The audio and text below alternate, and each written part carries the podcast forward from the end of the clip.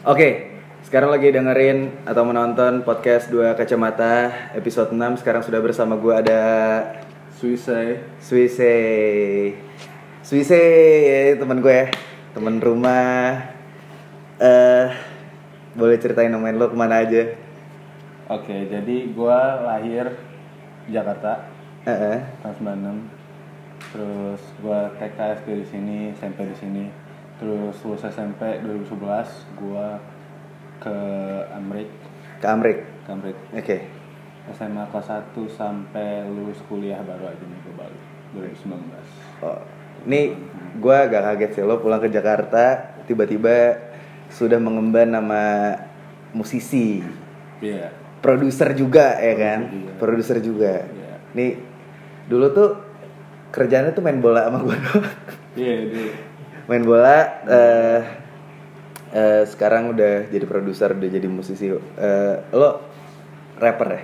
Lo mau disebut disebut apa sih? Um, sebenarnya gue pengen bilangnya artis aja sih kayak gue nggak terlalu fokus di satu bidang kayak kalau misalkan lu nyanyi cuma nyanyi. Eh. misalnya produser produser. Kalau gue sih kebanyakan semuanya dari kayak semua yang berbau kreatif gitu kayak dari produser sisi produser penyanyi rapper terus kayak edit edit video juga. Eh, eh. pokoknya semua yang berhubungan dengan musik gue entah itu dari sisi musiknya atau promosinya atau kreatif side-nya istilahnya ya itu gue nih oke jadi artis. Iya artis. Beda nih soalnya kalau orang Indonesia ada artis ada artis. Iya. Ya istilah kalau artis kan ya biasa kayak aktor gitu kan. Kalau gue lebih ke area seninya oh, seni Ya ya. Oke. Jadi eh kalau nih pengen dengerin karya-karyanya Suise bisa di mana men biasanya? Eh, gue ada di semua platform dari SoundCloud sampai Spotify, Apple Music. Kalau di Spotify cari aja nama gue Suisse S U I S E I. S U I S E I. S E I. Oke. Itu lo juga baru rilis kemarin? Ya gue baru rilis ada lagu judulnya Sleeping with Sirens. Ntar kita bisa ulik-ulik kenapa gue pilih nama itu. Itu mungkin uh, penonton-penonton pada Penasaran. penasaran. Band juga kan. Oke. Eh nih lo gue udah dengar beberapa lagu lo juga kan. Eh mostly musiknya eh gua gua gua sangat suka sih musiknya. Thank you. eh itu lirik mostly eh, sedih apa seneng Uh, jadi estetik musik gua itu lebih ke arah apa yang dibilang zaman sekarang kayak emo rap itu kayak emo rap. emo rap. Itu kayak transisi di antara emo dan hip hop karena musisi-musisi zaman sekarang udah nggak terlalu ikut formula hip hop yang dulu kayak zaman zaman Iwake, zaman zaman Vanilla Ice, zaman zaman Tupac kayak gitu udah masih ada cuman yang new wave ini beda-beda sih anak-anaknya. oke. Eh nah nih kalau gue lihat dari eh, style lo sekarang gitu lo berubah banget. Sekarang lo emo banget gitu. Lo sempat gue lihat di Instagram rambutnya warna pink. Iya, gua orang mana sih? warna-warni ya. Terus kalung gembok. Iya. ada rantai di celana. Iya. itu e- emang lo, lo suka emo gitu?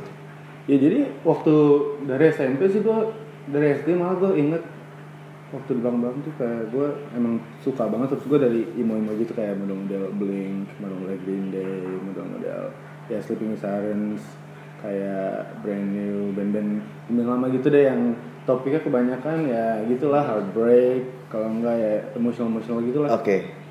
Jadi ya gue kebanyakan ngambil inspirasi dari band-band gitu.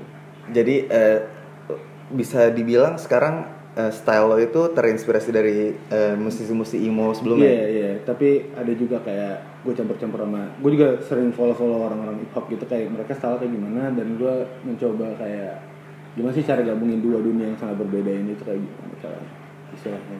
Dan you made it. Ya, I think so. Oke. Ya, still a long way, but um, I think I'll be able to do that. Eh, kalau Ya, ada ya ada Bung Raffi lagi ya di balik kamera dan ada Bung Yoga chef handal. Anyway,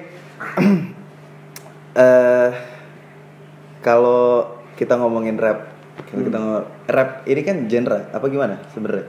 ya, ya emang sebuah genre tapi gue lebih suka kalau musik-musik yang zaman sekarang tuh kayak nggak masuk ke dalam sebuah kotak atau box atau bubble Oke. karena menurut gue bubble-bubble ini sangat memper eh, sangat limit creativity kita gitu lah istilahnya kayak misalnya lu misalnya seorang rapper orang ada ekspektasi tertentu sebagai seorang rapper Iya, ya kan setuju gue. Nah, kalau sebagai makanya gue bilang gue nggak artis, nggak penyanyi, nggak apa-apa karena gue nggak mau orang lain bilang ke gue, eh lu kan rapper, kenapa lu buat lagunya yang seperti ini, kenapa lu bernyanyi di musim Oh, sebelumnya?" oke, Gue nggak mau kayak, gue nggak mau masuk ke dalam box itu. Istilahnya. Bisa dibilang kalau misalnya lo masuk ke box itu, kreativitas lo jadi terbatas. Iya, jadi terbatas. Iya kan? Menurut gue gitu, ada Oke, ekspektasi ekspektasi tertentu. Tapi sebagai artis, ya lu mau ngapain aja bodo amat. Lihat aja kayak Charles Gambino kan, waktu dulu dia ngedrop album yang isinya rap semua. Apa sih gue lupa ada internet internet kayak gitu. Oke. Iya. Terus? um, Made from the internet kayaknya. Uh, abis itu dia ngerilis album baru yang yang ada Red Dome gitu kan. Kayak itu beda banget kan vibe-nya dan itu dia orangnya ya nggak dibilang orang rapper, nggak dibilang orang aktor, dan itu semuanya. Soalnya gitu. Inspirasi-inspirasi gue yang gue lihat dari karirnya bukan dari uh, musikalitasnya ya orang-orang kayak gitu, orang-orang kayak Charles Gambino, Tyler the Creator, Oke. gitu-gitu. Sekarang mereka beda banget sama yang lain. Soalnya. eh tapi kalau gue kalau menurut gue ya dulu tuh eh kita kita contoh Spotify deh gue gue buka Spotify kayak top hitsnya gitu misalnya Hmm. di top hitsnya bisa dibilang kalau oke sebelum Spotify apa sih kayak gue buka ada website yang isinya tuh top hits gitu Hmm. dan itu tuh nggak memasukin eh, nggak nggak masukin lagu-lagu yang bisa dibilang eh, independen gitu no label gitu Iya. nggak ada tapi sekarang di Spotify tuh independen juga bisa masuk top hits juga kan Bisa.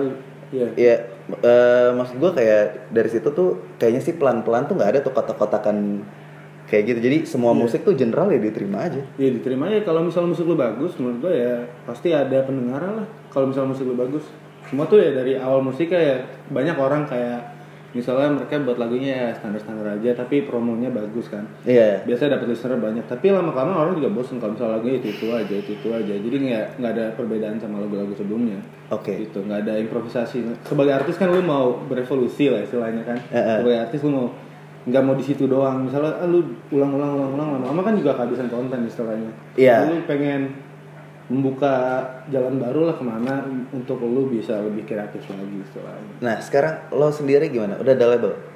Em, gua nggak nggak bisa dibilang label cuman gua ikut kolektif Jakarta Selatan namanya Prisja Lu bisa cari di Instagram @prisja Oke. Em, dengan artis-artis yang kebanyakan sih emang hip hop kayak Ariel Nayaka, Oke, Nayaka. eh, Lace, Mm-mm. ada beberapa artis baru eh, including gue Eh, dan yang new wave new wave ini yang mereka rekrut dari Prisja orangnya sih kayak breaking the mold gitu lah istilahnya kayak lu lihat kayak misalnya kan Lace ya emang dia udah udah punya signature sound sendiri nah itu Iya. juga kan nah tapi kalau yang new wave new wave ini mereka kayak mau buka lahan sendiri istilahnya nggak mau sama sama yang sebelumnya istilahnya Oke. mereka mau improvisasi gitu jadi label gue suka gue dan artis yang lain gue semoga aja sih Oke. Eh, karena itu Anyway, eh lo bermusik apa terjun di dunia industri musik ini eh, semenjak kapan? 2000 berapa? 2014 14. Awal. Lo bisa bilang itu cukup lama apa baru? menurut gue sih baru banget gue ngeliat um, I wish I had started this shit Oke. earlier Heeh. but uh, I had my own thing going on jadi gue waktu uh, kelas 12 Oke. di high school di SMA gue mulai mulai ngulik-ngulik produce-produce gitu karena waktu SMA gue juga orangnya gue kan orang introvert jadi gue lebih suka kalau misalnya lagi lunch break apa apa gue mendingan ke perpustakaan kan ngulik-ngulik YouTube liat-liat YouTube main game gitu nah habis itu gue kayak pengen aja nggak tau gue suatu hari gue kayak eh gue pengen belajar ini ya pengen belajar nge DJ sama pengen belajar produksi musik gitu Oke. elektronik elektronik gitu jadi gue awalnya dari situ buat musik musik elektronik EDM EDM gitu awalnya. Eh, nah, ini nih, ini ini pertanyaan gue mostly orang yang eh, interview musisi terutama di genre hip hop atau bisa dibilang rapper itu pasti nanya ini nih. Ya. menurut lo yang Lex gimana Yang like em, dari sisi musik tergantung sih dari apa dulu nih. Kalau menurut gua kalau enggak orang bermusik nggak ada salahnya ya. Iya, Orang oke. bermusik nggak ada salahnya. Dia mau istilah ngeluarin karya-karya mereka kan. Ah, ah. Em, dan biasanya tujuannya beda-beda. Ada yang tujuannya cuma untuk money, untuk uang. oke Ada yang just for the hell of it kayak gua. Gua juga kalau buat musik kan bodo amat ada yang dengerin, ada yang dengerin nggak apa-apa, Oke. terserah. Ad- ya jadi ada beberapa alasan kenapa orang buat musik. Jadi ya, ter- itu tergantung audiens sendiri. Mereka mau dengerin orang ini karena mereka suka atau karena mereka suka alasan buat musiknya apa apa ya terserah. Istilahnya kan pintu-pintu cara dia kalau menurut gua yang Lex musiknya gua kurang. Kurang suka? Bukan iya. bu- eh, oke. Ini biar aman aja ya. Ah. bukan taste lo gitu? Bukan tes gua. Oke. Bukan tes gua. Ada dia pasar ada. Dan gede banget pasarnya. Gua gua setuju sekali sama cara marketing dia sama cara dia branding dirinya sendiri gue setuju. Cuman bukan gua arah gua bukan ke situ. Jadi arah gua beda sendiri. Menurut gua hasilnya dia itu gua respect banget sih. Gua itu respectable banget. Kayak orang kayak dia gua soalnya gua udah denger dia emang dari mungkin dari 2014 kan gua waktu mulai-mulai gua udah pernah denger yang Lex gitu kan. Oke. yang awal-awal hip hop di Indonesia dia gue bisa bilang salah satu pelopor yang membuat hip hop se- segede sekarang. Saya gua belum se- segede itu di Indonesia cuman dia kayak istilahnya yang starternya lah salah satu starter new wave new wave ini. Iya. gitu menurut gue Eh, eh, kalau Lace gimana? Eh, maksud gua dia new wave masuk new wave apa emang Em, dia kalau menurut gue sih di masa transisi sih kalau gue bilang tapi dia cara cara dia membuat rap dia itu ya beda sama istilah kalau lu bilang yang Lex Oke. bukan bukan bagus apa lebih bagus apa lebih jelek cuman beda beda jalurnya ya beda Iya, lane iya. istilahnya kalau Les lebih ke arah ya dia bener-bener mau push um, karya-karyanya dia sendiri misalnya ya jadi setiap lagu setiap dia kali buat itu ya ada maksudnya lebih buat gue lebih bermakna dan dia kayak kelihatan aja tiap kali dia rilis dia emang selalu lebih bagus dari sebelumnya jadi tuh kelihatan banget lu kalau berevolusi sebagai Iya iya iya. gitu Oke oke oke. Eh, tapi kalau kita ngomongin eh, musik eh, hip hop di Indonesia, menurut lo ini sekarang tuh perkembangan udah kayak gimana?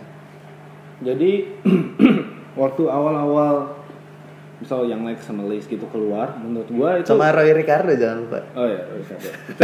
kita kita simpen. Kita simpan. Eh, Jadi terus berkembang sampai sekitar sekarang-sekarang ini menurut gua lagi stagnan banget sih kalau menurut gua hip hop hip hop di Indo menurut gua.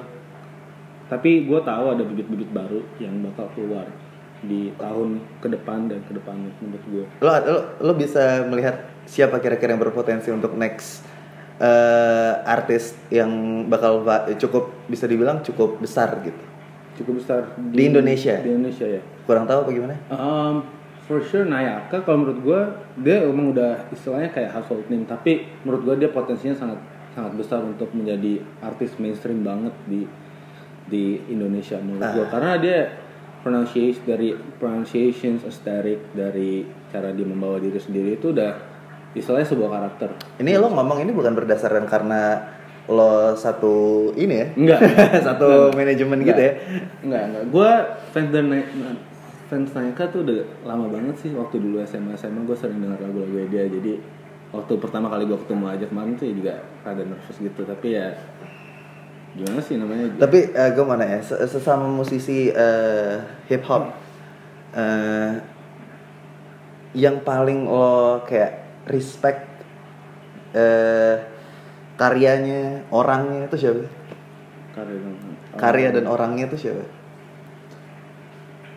gue harus bilang ya kebanyakan orang dari label gue sih Iya, Iya. kayak Nayaka sama Lis kalau gue bilang karena gue tahu banget mereka evolusi dari mereka awal-awal sampai sekarang tuh kayak gimana dan mereka tuh ya istilahnya mereka walaupun naik namanya mereka nggak merubah musikalitas mereka. Jadi mereka udah prinsip sendiri tapi prinsipnya tuh works istilahnya. Mereka nggak bakal ganti personality mereka untuk ngikutin pasar. Ah. pasar yang ngikutin mereka Oh istilahnya. keren keren. Nah lo mencoba untuk eh, bisa dikatakan idealis ya? Iya. Eh, prinsip sendiri. Lo kira-kira someday gitu Mhm. lo akan stick sama prinsip lo apa? Kalau prinsip gue em, itu kalau misalnya untuk sekarang kan emang gue ngulik-ngulik ilmu rap. Tapi ada bakal suatu saat di mana gue udah nggak merasa ini tuh sangat kreatif untuk diri gue sendiri. Kalau gue merasa buat lagu tuh habis itu ada yang terulang, Mhm. gue males buatnya. Jadi gue pasti bakal buka baru. Karena waktu gue awal-awal dulu kan gue sering buat EDM. Waktu Mhm. gue buat EDM tuh sekitar 4 tahunan sampai 2000 awal 2018. Jadi 2014 sampai 2018 tuh gue genre gue beda-beda. Gue mulai dari kayak festival-festival house music gitu, terus gue ngulik deep house, terus gue Oke. ngulik trap gitu-gitu. Lama-lama juga gue bosen karena EDM menurut gue EDM itu sekarang lagi formulaik banget. Nah, ada formula tertentu sama kayak hip hip hop, semua musik kayak gitu ada sebuah formula dasar, sebuah template yang orang ikutin, tapi nggak ada mereka nggak punya something new to offer istilahnya. Dan gue nggak suka banget makanya gue berubah menjadi se- seorang ya bisa bilang musisi artis yang independen karena gue bisa lebih kreatif aja sih lewat situ. oke gue nanya imo rap saat ini Hmm. siapa aja Jadi kan gue baru apa adalah lo orang pertama imo rap gitu Enggak, jadi um, Imorap itu udah lama banget sih kalau ta- setahu gue dari SoundCloud SoundCloud gitu gue udah dengar Imorap dari tahun 2013 2014an. Oke. Cuman mereka sangat under the radar banget sampai uh, orang-orang kayak Post Malone, Mhm. Lil Peep mereka keluar ke mainstream Mhm. dan udah mulai diterima di mainstream di sana. Jadi kebanyakan lagu-lagu di sana ya um, kalau bilang emo rap itu udah gede banget. Istilah kayak orang-orang kayak Juice WRLD, orang kayak Lil Peep, um, Peace, orang-orang kayak Post Malone tuh udah istilahnya udah household name di sana. Dan di Indonesia emang gua rasa emang belum ada orang kayak kayak gitu kecuali kayak gue sendiri dan temen gue. Uh, namanya Wichi Goshari dia lebih ngulik-ngulik ke arah hip hop Mhm. tapi kita kalau lagi buat emo rap tuh kayak istilahnya nyatu banget gitu loh. Dia Oke. fokusnya lebih ke arah hip hop gue lebih ke arah um, indie. Oke. tapi kita kalau buat rap kayak ya nyatu aja lah istilahnya gitu. Karena udah ya bisa bilang udah klik banget gitu. Iya istilahnya klik banget kalau gue sama dia gitu. Eh nih lo kemarin Jumat baru aja rilis Sleeping with Sirens. Mhm. itu single yang ke? Um, itu gue nggak tahu dia berapa single. Oh udah banyak banget ya? Iya. Ya kenapa lo nggak bikin albumnya men? gue udah buat album uh, 2018 gue ngedrop album judulnya. Oh udah? 2018 2018 tahun lalu. Oke. Itu self release sebelum gue ikut Prisja uh, judulnya Hopeless Romantics. Hopeless? Hopeless Romantics. Romantics. Iya. Itu gue self release 12 lagu di Spotify um, gue yang gue yang buat uh, bantu buat cover artnya gue yang pokoknya Itu bener-bener pure pakai tangan lo gitu ya? Iya, istilahnya gitu dari, Dari- dari beat, dari vokal. Ada sih beat-beat dari produser lain kayak um, um, temen-temen gue lewat internet gitu. Gue Oke. ada beat-beat. Tapi kebanyakan beatnya gue buat sendiri, laguin dari gue, mixing, mastering gue semua. Cover album Yes. semua Iya. Gokil ya Ini baru nih The real musician Emang emang susah banget sih. Emang susah banget kalau misalnya Susah banget jadi lo ya? Iya, enggak. susah sekali sebagai independent artist. Orang banyak yang mau jadi independent artist karena orang mikirnya kan independent artist lu nggak bayar siapa-siapa istilahnya. Iya. Ya, uang 100% ke lu. Susahnya kerjanya itu berkali-kali lipat. Kayak misalnya gue waktu buat waktu edit video gue sendiri, gue ada video klip gitulah di YouTube. Eh, eh. Kebanyakan gue yang edit sendiri. Dan itu prosesnya lama sekali. Karena kan yang di video gue, Mm-mm. terus vote yang yang ngerekam gue harus direct istilahnya kan. Iya, benar. Lu kayak gini gini itu juga susah kan? Iya, Nah, iya. dari situ gue yang edit juga. Dan itu makanya gue kalau rilis rilis project kan tuh ada ada lama karena itu. Karena gue nggak ada yang bantu istilahnya. Tapi lewat Tapi itu juga pilihan lo gitu? Iya itu pilihan gue. Tapi untungnya gue di sini kenal Prisja dan mereka tuh homies banget ke orang-orang kayak ya kayak mereka welcome gue dengan open arms istilahnya. kayak gue nggak pernah ketemu lu tapi lu kayak kita udah kayak keluarga gitu jadi waktu gue pertama kali ketemu mereka tuh baru banget dan mereka tuh udah istilah kayak homies banget sama gue padahal gue nggak pernah ketemu kita cuma ngomong lewat internet lewat WhatsApp gitu gitu Ah. Syarat dulu dong. Syarat ke Hancho, syarat ke Ajung, the whole. Fakucho. Skirt. Skra, masih gitu ya. Eh, Oke, kalau gitu gue mau ngulik. gue suka banget sama lagu lo. Yang ya, ini ini di di gue udah ngeplay beberapa beberapa kali ya nggak semua kali ya. Tapi biasanya yang ada di SoundCloud lo itu gue play semua. Ah, Itu gue play semua. Itu bukan belum semua tapi ya? belum. belum semua ya. Belum, belum. Itu semua yang di SoundCloud tuh udah gue play. Dan yang peringkat pertama sebenarnya Sleeping with Sirens itu. Ah. Apa itu lagu apa gue nyanyiin di kamar mandi men? Iya, iya. Yang kedua eh, Sidelines. Sidelines. Nah, itu kayak top tuh lah kalau gue ya. Mhm, Ini yang iya, gue iya. suka gitu. Gue mau ngulik eh, lirik dari Sleeping with Sirens dulu deh. Ini sebenarnya ceritanya tentang apa men? Oke, jadi untuk para penonton yang belum tahu kayak saya pasti banyak belum tahu gua kan. Kayak gua tuh artis baru banget. Mhm. Dan em, kalau gue bilang ya lirik-lirik gua kebanyakan dari real life experience gua sendiri karena kalau kalau lu buat lagu dari real life experience itu kayak bawahnya kan personal banget. Oke. dan jadi setiap kali gue buat lagu tuh kayak itu diary gue karena gue buat lagu karena itu. Karena gue ada setiap kali gue punya pent up feelings apa apa gue punya angst sesuatu yang gue nggak bisa lampiaskan secara negatif mendingan Heeh. lewat musik secara positif. Jadi lagu Sleeping with Sirens itu gue buat waktu gue lagi kayak istilah kayak berantem sama cewek gue gitu kan untuk penonton pasti banyak yang tahu Sleeping with Sirens kan band emo gitu. Ya itu salah satu eh, alasan kenapa gue namanya Sleeping with Sirens karena gue suka band itu. Tapi alasan keduanya itu Lebih eh, filosofisnya lebih lagi. filosofi lebih filosofi. Kayak Sleeping with Sirens sih istilahnya kayak lu kebal banget sama sirens kan. Kan sirens itu berisik. Sirens itu berisik. Dan lu kalau misalnya bisa tidur dengan sirens Dengan kebisingan gitu ya. kebisingan itu tandanya lu udah kebal kan nah itu gue buat lagu itu karena waktu itu gue lagi berantem sama cewek gue Oke. gue lagi selek-selekan gitu lah gue terus gue gue mau tidur terus dia kayak masih ngoceh Oke. tapi gue tidurin aja besoknya gue langsung nulis lirik Oh, sesimpel itu. iya Tapi emang ya, eh Suisa ini anjing ya. anjing. anjing lah. Sekarang Bangsa. bang, eh cuy, gue pernah nyoba, gue gue gue ngeband band pop gitu di SMP ya, SMP ke SMA lah. Itu bikin lagu tuh nggak segampang itu cuy. Gua ya, gua dan temen-temen band gue tuh bikin lagu nggak sih. Gue ngeliat dia, lo lo lagi di mana? Di rumah lagi bikin musik. Itu itu siang, malamnya pas nongkrong sama gue lo tiba-tiba lagu gue udah jadi. Lo bikin musik segampang itu emang? Em, Iya maksudnya tergantung sih kayak tergantung gue inspirasi gue gimana kayak sekarang sekarang ini gue lagi lagi emang lagi gatel buat buat musik lagi emang produktif banget. Iya, lagi Tapi produktif waktu di. Amrik gimana? Oh, di Amrik em, Seber- kan soalnya seproduktif ini?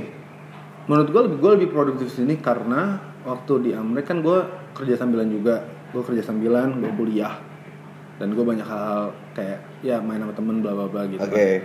Di sini itu gue lebih lebih fokus aja sih kalau menurut gue kayak gue nggak ada halangan-halangan lain yang bikin gue nggak mau buat musik istilahnya gue jadi fokus 100% musik doang sekarang Oke. gitu Ya berarti lo balik ke Indo ya menguntungkan juga ya. Jadi menguntungkan juga. produktif juga. Iya, produktif juga gue gak ada pikiran. Selain ketemu gua dan Raffi, Ricardo, Iya. yoga.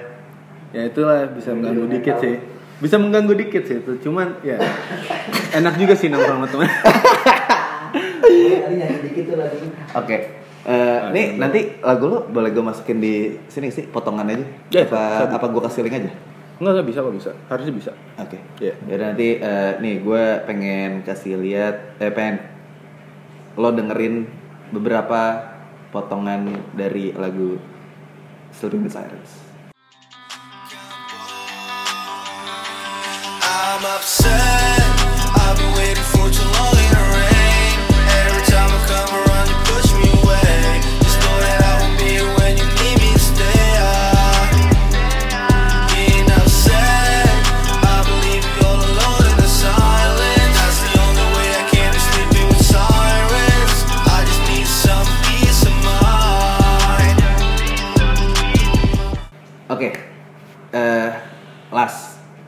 Question.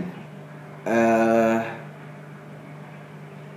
lo punya perkiraan lo bakal se-fame apa?